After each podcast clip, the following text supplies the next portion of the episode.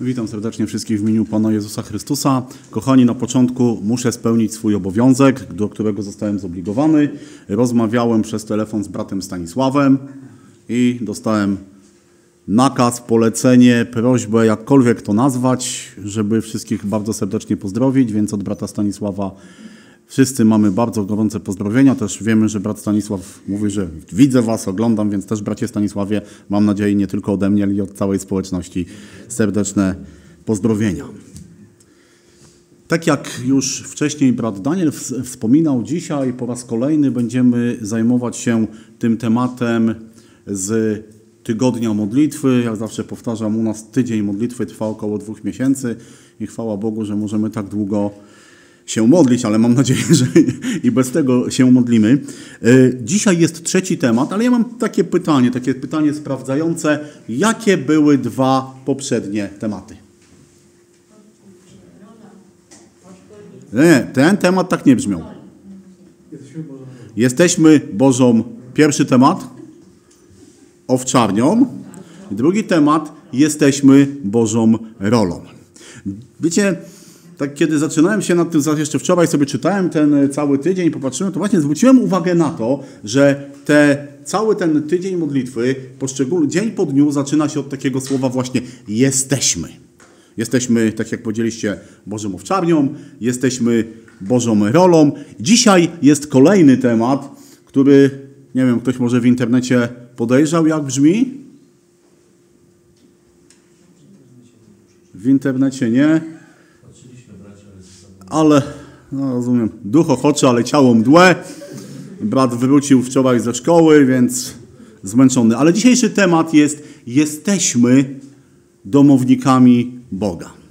Wiecie, i kiedy sobie patrzyłem na ten temat, w ogóle na te wszystkie tematy, to tak doszedłem do takiego jednego wniosku, że istnieje pewne niebezpieczeństwo w tych tematach. Ponieważ jesteśmy, jesteśmy, jesteśmy. Ja tak się zacząłem zastanawiać, czy w pewnym momencie, kiedy sobie to wszystko uświadomimy, faktycznie jesteśmy, nie, nasze, e, nasze myślenie, nasze podejście, nasze zachowanie nie będzie podobne do zachowania tego faryzeusza, który e, w przypowieści przychodzi do świątyni i mówi co? Panie, dziękuję Ci, że nie jestem jak ci inni ludzie. Wiecie, i kiedy tak patrzymy na to, jesteśmy rolą Bożą, jesteśmy Bożą owczarnią. Dzisiaj ten temat jesteśmy domownikami, a właściwie można go troszeczkę rozszerzyć. Jesteśmy domownikami, jesteśmy budowlą Bożą. Żebyśmy nie, nie wiecie, chodzi mi o to, żebyśmy nie wpadli w taki, wiecie, samozachwyt, tak? O, jak fajnie być Bożą rolą. Jak fajnie, że Pan Bóg ora moje serce. Albo jak dobrze, że jestem z Bożej owczarni. Tak? To nie muszę martwić się o to, co robię, jak żyję, bo jak gdziekolwiek pójdę, to i tak ten pasterz przyjdzie po mnie i mnie z powrotem sprowadzi. No i mówię, dlatego tak się zacząłem się zastanawiać właśnie nad, jakby nad tym całym tematem. Je, skoro jesteśmy czymś w Bożych oczach, czymś, to dlaczego i nimi, dlaczego tak się stało? Bo musimy sobie zadać pytanie, jeżeli dzisiaj jestem Bożą rolą, Bożym domownikiem, Bożą budowlą, to kim byłem wcześniej? Czy od zawsze, od momentu, kiedy się urodziłem, otworzyłem oczy, jestem Bożym domownikiem? Czy od razu jestem Bożą budowlą? Wiecie, kiedy patrzymy do Bożego Słowa, to widzimy, że nie. To nie jest tak, że w relacji z Bogiem, ze społeczności z Bogiem coś dostajemy z automatu. Dziadek był, ojciec był, to i ja będę. Ktoś kiedyś powiedział te słowa nawet z tego miejsca, że Pan Bóg nie ma wnuków. Pan Bóg ma tylko dzieci. I kiedy dzisiaj mówimy o sobie, jestem domownikiem Boga, jestem budowlą Bożą, to musimy też się zastanowić, kim byliśmy. Musimy się zastanowić, co spowodowało zmianę, i musimy się też zastanowić nad trzecią rzeczą, co wynika z tego, że dzisiaj jestem tym, kim jestem. I chciałbym, żebyśmy sobie otworzyli list do Efezjan, drugi rozdział i przeczytali wersety od 12 do 22.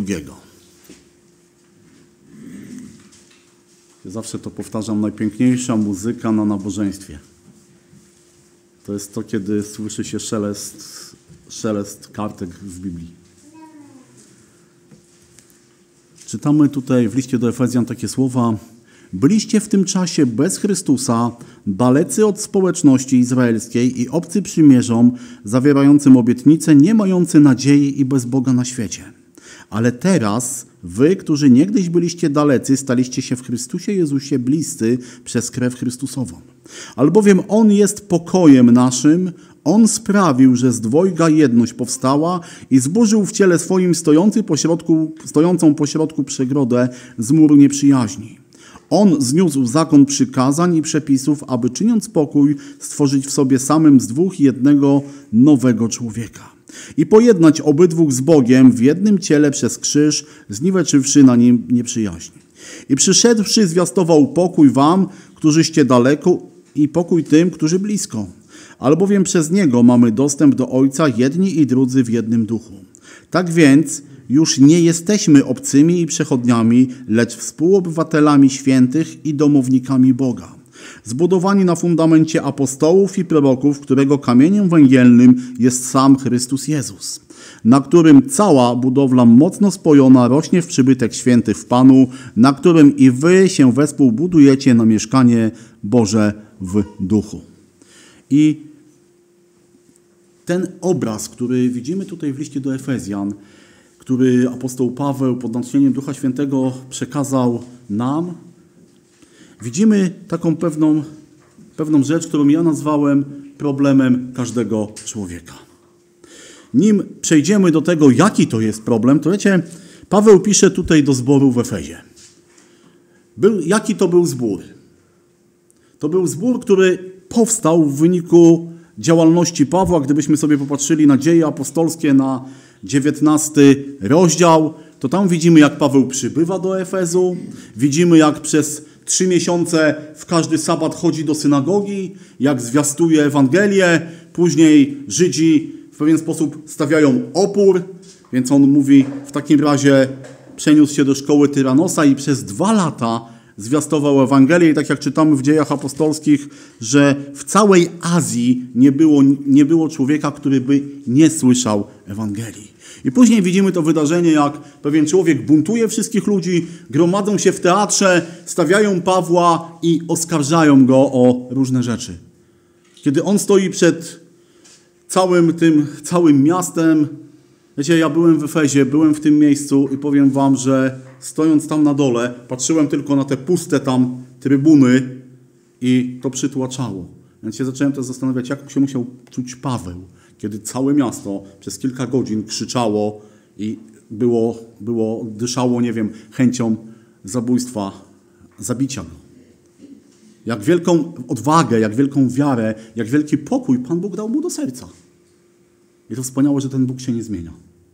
To wspaniale, że pomimo jakiej, jakiejś presji, która na nas ciąży, większej czy mniejszej, nas, nasz Bóg się nie zmienia. I On obdarza nas spokojem. On obdarza nas swoją łaską. On obdarza nas swoją miłosierdzią, swoim miłosierdziem i obdarza nas swoją odwagą. Dzisiaj każdy z nas, kochani, żyjemy w takich czasach, że każdy z nas podlega jakiejś presji, jeśli chodzi o duchowe rzeczy. Ale mamy Boga, który darzy nas swoją łaską. Tak jak powiedziałem, ten fragment nazwałem, tak, zacząłem się zastanawiać, że tak naprawdę każdy człowiek, na podstawie tego fragmentu, który przeczytaliśmy, każdy człowiek ma pewien problem. Problem takiej natury duchowej. Gdybyśmy sobie popatrzyli na te dzieje apostolskie, na ten fragment, jeszcze, przepraszam, na list do Efezjan, jeszcze raz na ten fragment, to tam jest mowa o dwóch kategoriach, dwóch rodzajach ludzi. I zbór w Efezie głównie składał się z pogan. I czytamy o nich, że to byli ludzie dalecy od społeczności, obcy przymierzom, bez znajomości prawdziwego Boga. I tak naprawdę, kochani, Bóg zupełnie ich nie obchodził. To byli poganie. Oni mieli całą swoją teologię, mitologię różnych bogów. Jeżeli ten mi nie pasował, to szło się do drugiego, nie było żadnego problemu. I z drugiej strony mamy też Żydów, naród wybrany, umiłowany, ludzie, którzy mieli to wszystko, czego nie mieli poganie. Mieli przymierza, mieli Boże obietnice, mieli cały zakon, mieli doświadczenie całego narodu, cała ich historia, słuchajcie, była doświadczaniem, doświadczeniem, doświadczeniem życia z Bogiem. Oni kiedy wspomnieli sobie, co się działo w ich życiu, w życiu ich narodu, to pierwsze, co im przychodziło na myśl, to był Bóg, który trzymał ich mocno w swoim ręku. Ale jak popatrzymy na ten fragment, to widzimy, że zarówno poganie, bez społeczności, bez przykazań, bez zakonu, jak i Żydzi z zakonem, z przykazaniami mieli ten sam problem. Te grupy dzieliło wszystko, a tak naprawdę łączyło jedno. Łączył obie te grupy, czy poganie, czy Żydzi, potrzebowali Jezusa Chrystusa. Obie te grupy potrzebowały pojednania z Bogiem, które w żaden sposób nie mogli uzyskać. Cokolwiek by nie zrobili, jakkolwiek by się nie starali, nie mogli uzyskać pokoju z Bogiem. Jedyne rozwiązanie tego problemu to był Jezus Chrystus, o, której tutaj, o którym tutaj czytamy, że On przyszedł, On zburzył ten mur dzielący te dwie kategorie. Tutaj też jest taka pewna analogia do świątyni. Kiedy świątynia istniała, to nie było tak, że każdy mógł sobie wejść gdziekolwiek. Nie wiem, czy pamiętacie, czy widzieliście kiedyś, jak wyglądał ten plan świątyni. Pierwszym dziedzińcem było co? Dziedziniec pogan. Tam tak naprawdę mogli być wszyscy. Ale za dziedzińcem pogan zaczynał się dziedziniec, był odgrodzony murem, na którym były takie tablice, że nie wolno pogan, poganom, poganinom, poganom wejść dalej. Bo jeśli tam wejdą, to grozi im śmierć. I Chrystus był tym, który ten mur zburzył, tak jak czytamy. I stworzył z tych dwóch grup, z Żydów i z Pogan, jednego człowieka, ponieważ obydwie te grupy potrzebowały tego samego. Obydwie te grupy potrzebowały Chrystusa. Tak jak dzisiaj każdy człowiek, niezależnie od jego koloru skóry, narodowości, przekonań, religii, potrzebuje tego samego. Ja i ty potrzebujemy tego samego. Potrzebujemy relacji z żywym, prawdziwym Bogiem. Relacji, którą przywraca tylko to, co też czytaliśmy tutaj, krew Jezusa Chrystusa. To On burzy mur. On burzy mur między mną, człowiekiem, a Bogiem. On powoduje to, o czym dzisiaj mówiliśmy, ma, mamy mówić, że staliśmy się domownikami Boga. Bo kiedyś byliśmy nieprzyjaciółmi. Bo kiedyś byliśmy poza Bożą rodziną. Każdy grzesznik, niezależnie od tego, tak jak powiedziałem, kiedy, gdzie, jak się urodził, jak żył, w co wierzył, czym się kierował w życiu, bez Chrystusa jest grzesznikiem poza domem, poza Bożą rodziną. Chrystus spowodował, że jesteśmy domownikami.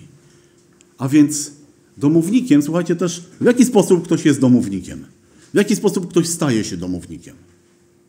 Dlaczego to małe bobo, które tam jeszcze się rozwija, kiedy się urodzi, będzie domownikiem w domu Dawida i Asi?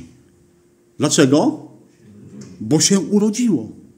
Bo się urodziło w tej konkretnej rodzinie. Domownikiem można było stać się przez narodzenie. Drugim sposobem, aby stać się domownikiem, było co? Była adopcja. Czyli ktoś brał zupełnie obcą osobę i usynawiał tą osobę. I ta osoba zyskała pełnię praw. Abraham, kiedy jeszcze nie miał syna, to kiedy rozmawiał z Bogiem, to powiedział, że moim, do, moim spadkobiercą będzie kto? Będzie pewien człowiek, którego on, można powiedzieć, zaadoptował. Wiecie, jeżeli domownikiem stajemy się przez narodzenie i adopcję, to Pan Bóg w naszym przypadku, żeby nie było żadnych wątpliwości, zrobił te dwie rzeczy. Kto jest w Chrystusie?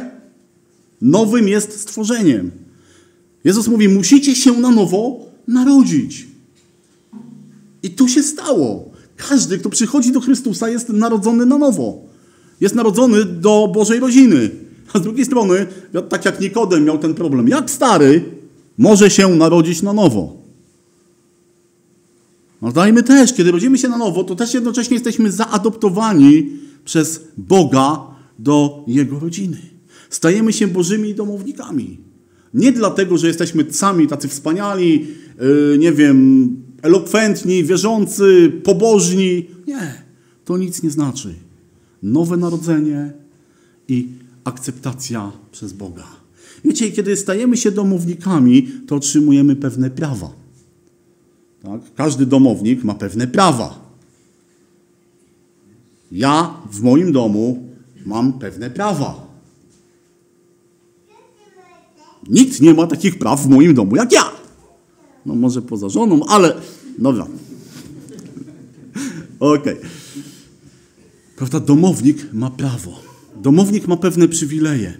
Domownik może korzystać z pewnych rzeczy. Z drugiej strony, domownik też ma pewne. Tak, teraz się nie śmiejecie. Nie? Zobaczcie, jak to jest, że kiedy mówimy o prawach, to jesteśmy, to znamy swoje prawa, ale czasem nie pamiętamy o swoich obowiązkach. Dzieci to mają dobrze opracowane. Gdzie jest mój syn? Tam siedzi.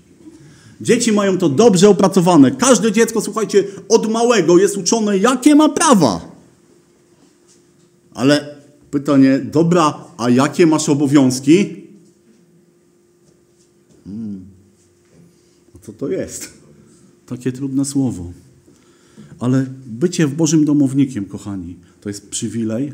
To możemy powiedzieć o sobie, jesteśmy Bożymi domownikami, ale też nakłada na nas pewne obowiązki, Musimy stosować się do pewnych rogu, reguł panujących w domu. Musimy dbać o dom, być odpowiedzialni też za współdomowników. To są nasze obowiązki. Jeżeli mówimy o sobie, jestem domownikiem Boga, to znaczy, że mam dom, ale to też znaczy, że o ten dom muszę dbać. Żeby było jeszcze ciekawiej, to może przeczytajmy pierwszy list do Tymoteusza, piąty rozdział, ósmy werset. To jest może podsumowanie tego, o czym do tej pory mówiłem. Jeśli kto o swoich, zwłaszcza o domowników, nie ma starania, ten zaparł się wiary i jest gorszy od niewierzącego. Ale zobaczcie, staranie o współdomowników. Wiecie, bo życie z Bogiem to nie jest tylko to, że jestem ja i Bóg, ale też są obok mnie inni, za których też moi bracia, moje siostry, Kościół, zbór, za których jestem odpowiedzialny. Oczywiście ważna jest, najważniejsza jest moja osobista relacja z Bogiem. Ale wiecie, moja relacja z Bogiem zawsze promieniuje na relacje z innymi. Jeżeli moja relacja z Bogiem jest niewłaściwa, zła albo coś stoi na przeszkodzie, nie wiem, czy tego samego doświadczyliście w swoim życiu. Ale jest tak, że jeżeli moja relacja z Bogiem jest niewłaściwa, to moje relacje z innymi ludźmi też ulegają różnym wypaczeniom. Jestem domownikiem Boga. Jestem odpowiedzialny za ten dom, jestem odpowiedzialny za innych.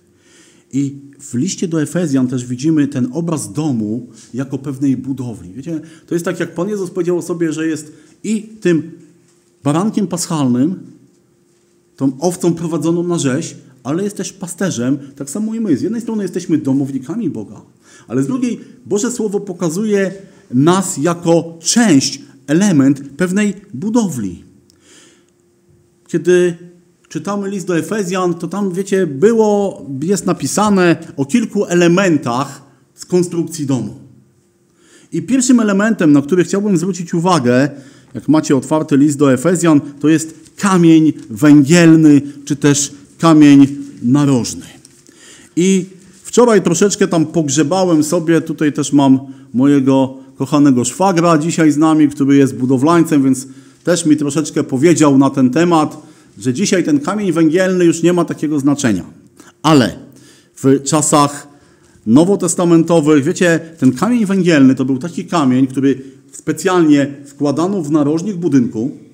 Bardzo często pisano na nim jakieś inskrypcje, kto, po co i dlaczego postawił ten kamień. On był częścią fundamentu, na nim budowano mury i wiecie, i był to kamień, od którego wszystko mierzono, do, co, co było w budynku, wszystko było mierzone od kamienia węgielnego. To był ten początek, to był ten, to, co, od czego się zaczynało. I czytamy tutaj, że kamieniem węgielnym dla nas jest kto? Jest Jezus Chrystus. Jeżeli jestem domownikiem Boga, jeżeli jestem Bożą budowlą, to kamieniem węgielnym, a więc tym miernikiem, od którego wszystko w moim życiu ma brać początek, albo wszystko, do, e, co w moim życiu jest, ma być weryfikowane z kamieniem, z kamieniem węgielnym, to jest Chrystus. Całe moje życie, całe Twoje życie ma być weryfikowane z tym, co mówi Chrystus. Dalej czytamy o fundamencie.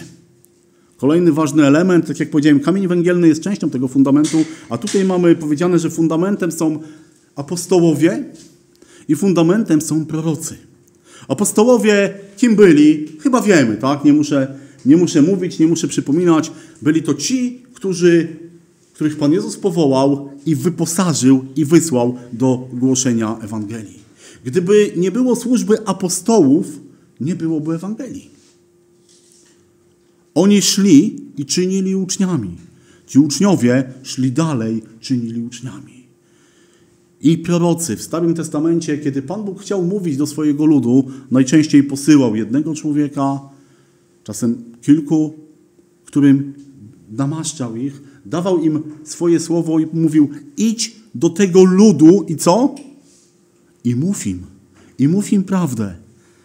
I dalej ten fundament Dzisiaj, no ktoś może powiedzieć, no tak, ale nie mamy proroków, nie mamy apostołów, ale wiecie, ale mamy to, co nam zostawili. Bożą naukę. To jest ten fundament. Na tym mamy budować. To jest niezmienne. Dzisiaj my jako ludzie, wiecie, strasznie lubimy zmiany. Co jakiś czas musimy coś zmienić w swoim życiu. A to fryzurę, a to garnitur, a to samochód.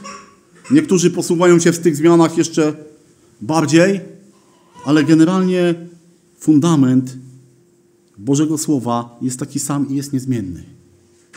I wiecie, i czasem jako ludzie my próbujemy troszeczkę, wiecie, ten, naciągnąć ten fundament. Ale jeżeli fundament zostanie naruszony, to jak Paweł kiwa głową, to co się stanie? To się wszystko sypie. I wiecie, to jest, to jest taka prawda w budowlance, ale to jest prawda w duchowym życiu. Jeżeli będziesz próbował naruszać ten fundament, zmieniać go, bo mi tak pasuje, to się wszystko posypie. Wcześniej, później będzie, będzie posypane.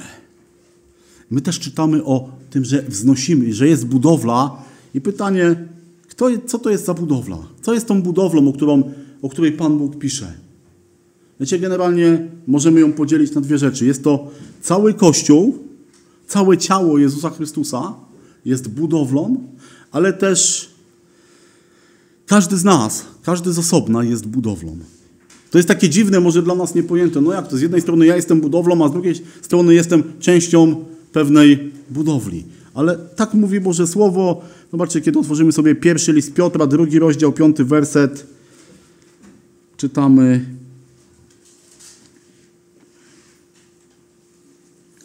I wy sami, jako kamienie żywe, budujcie się w dom duchowy, w kapłaństwo święte, aby składać duchowe ofiary przyjemne Bogu przez Jezusa Chrystusa.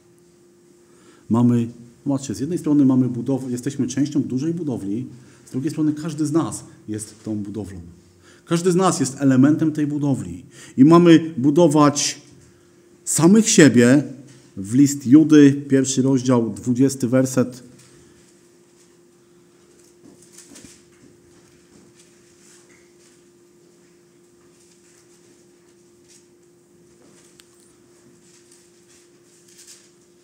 Ale wy, umiłowani, budujcie siebie samych w oparciu o najświętszą wiarę waszą, módlcie się w Duchu Świętym. Zobaczcie, kto ma się budować? Kogo mamy budować? Samych siebie. Przez społeczność z Chrystusem. Przez modlitwę, przez czytanie Bożego Słowa, przez społeczność. My mamy budować siebie samych. Ale list, pierwszy list do Tesaloniczan, piąty rozdział, jedenasty werset.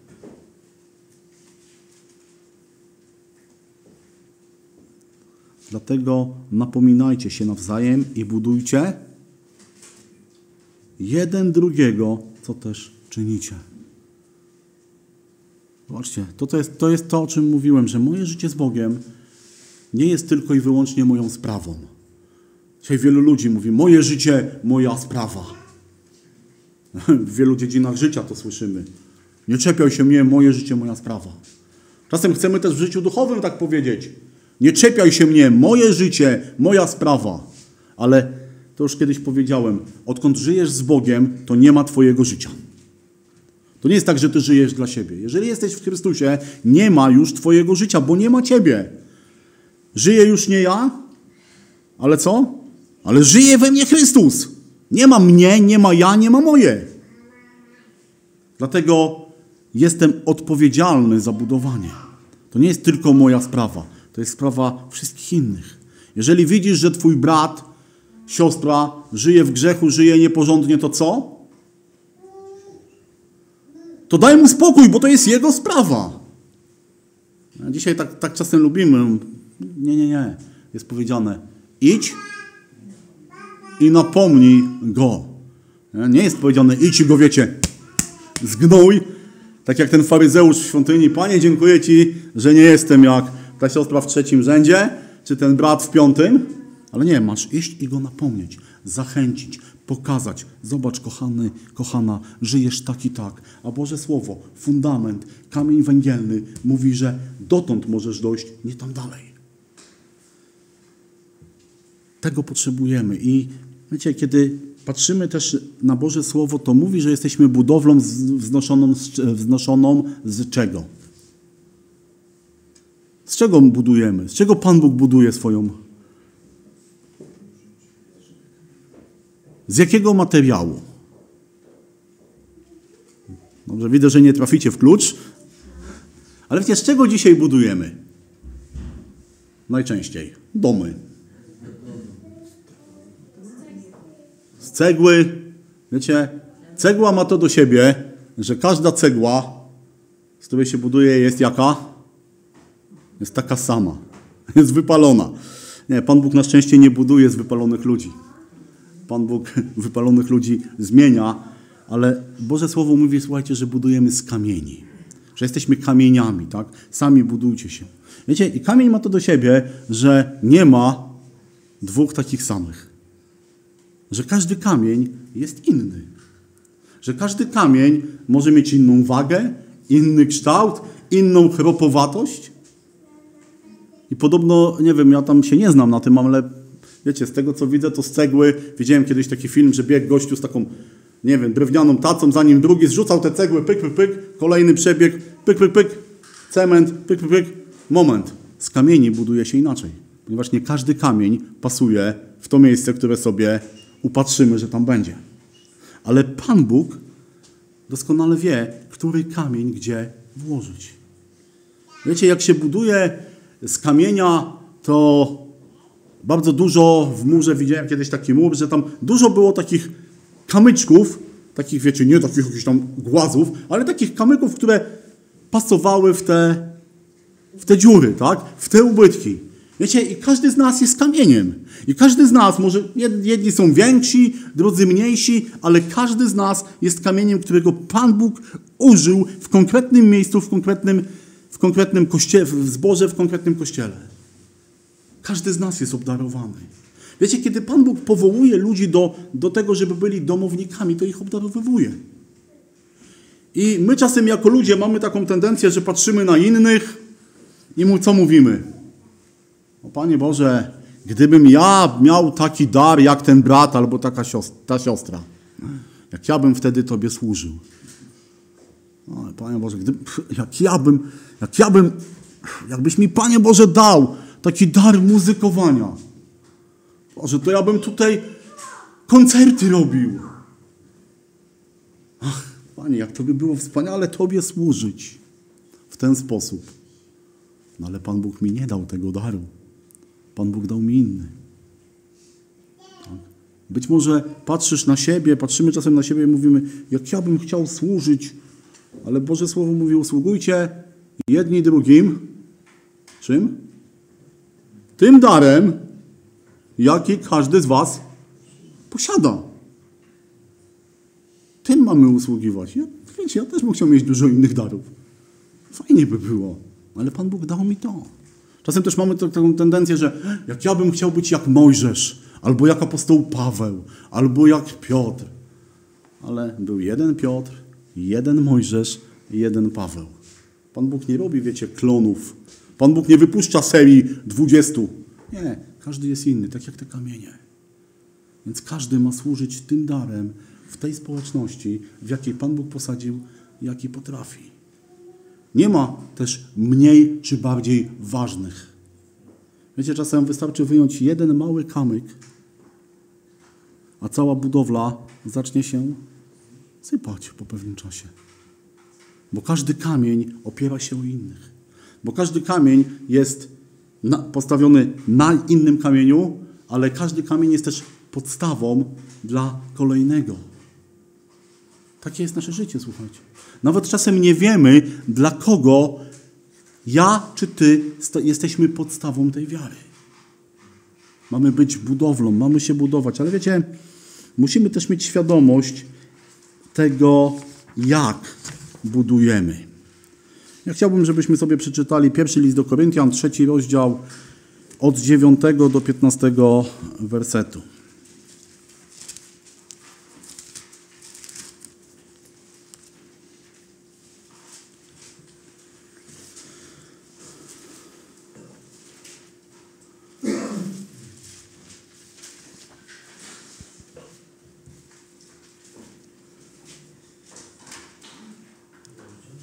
Trzeci rozdział od dziewiątego wersetu. Albowiem współpracownikami Bożymi jesteśmy. Wy rolą Bożą, budowlą Bożą jesteście. Według łaski Bożej, która jest mi dana jako mądry budowniczy, założyłem fundament, a inny na nim buduje. Każdy zaś niech baczy, jak na nim buduje. Albowiem fundamentu innego nikt, nikt nie może założyć oprócz tego, którym jest założony, a którym jest Jezus Chrystus. A czy ktoś na tym fundamencie wznosi budowlę ze złota, srebra, drogich kamieni, z drzewa, siana, słomy, to wyjdzie na jaw w jego dziele w dzień sądny, bowiem to pokaże, gdyż w ogniu się objawi, a jakie jest dzieło każdego wypróbuje ogień. Jeżeli czyjeś dzieło zbudowane na tym fundamencie się ostoi, ten zapłatę odbierze. Jeśli czyjeś dzieło spłonie, ten szkodę poniesie, lecz on sam zbawiony będzie jednak jak przez ogień. Czy nie wiecie, że świątynią Bożą jesteście i że Duch Boży mieszka w was? Wiecie, tutaj widzę, widzę też taką kolejną pułapkę. Bo tutaj apostoł Paweł pisze, że można budować z różnych elementów, tak? Z jakich? Ze słomy? Myślałem, że zaczniecie od tych najlepszych. Ale można budować ze złota, srebra, tak? Ale można budować też z słomy, nie wiem z czego, z chrustu, z patyków. Ale wiecie, to nie znam. I kiedyś słyszałem coś takiego, że no, ważne, nie jest ważne, jak buduje, tak? No ważne, że na tym fundamencie. No z jednej strony tak. Ważne, żeby było budowane na tym fundamencie, ale wiecie, czy to znaczy, że Panu Bogu jest wszystko jedno, z czego wznosisz tą budowlę? Chciałbym, żebyśmy na chwileczkę wrócili do listu do Efezjan, do tego fragmentu, który czytaliśmy na początku, czyli do drugiego rozdziału.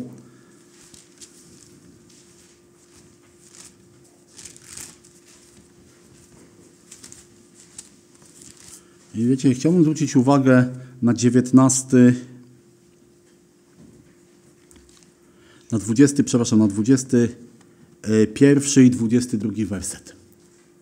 Czytamy, na którym cała budowla czyli na Chrystusie, mocno spojona, rośnie w przybytek święty w Panu. I 22, na którym i wy się wespół budujecie na mieszkanie Boże w duchu. Wiecie, i tu są dwa, dwie rzeczy wymienione. Przybytek i mieszkanie Boga, czyli można powiedzieć świątynia. I jakbyśmy popatrzyli sobie do Starego Testamentu, do tego, jak Pan Bóg nakazał budowanie przybytku i nakazał budowanie świątyni, to Pan Bóg dokładnie określił, jakie elementy mają być użyte do budowy. To Pan Bóg, Pan Bóg nie powiedział, e, co znajdziecie, to postawcie. Pan Bóg nie był polskim budowlańcem, tak? Polscy budowlańcy tak potrafią. Co znajdą, to zbudują. Ale nie, Pan Bóg mówi konkretnie. Na przybytek ma być konkretna rzecz. Same najlepsze rzeczy tam miały być użyte. Na świątynię miały być same najlepsze rzeczy. Teraz, jeżeli ja jestem świątynią Ducha Świętego i buduję z duchowych rzeczy, to jakie powinny być te rzeczy?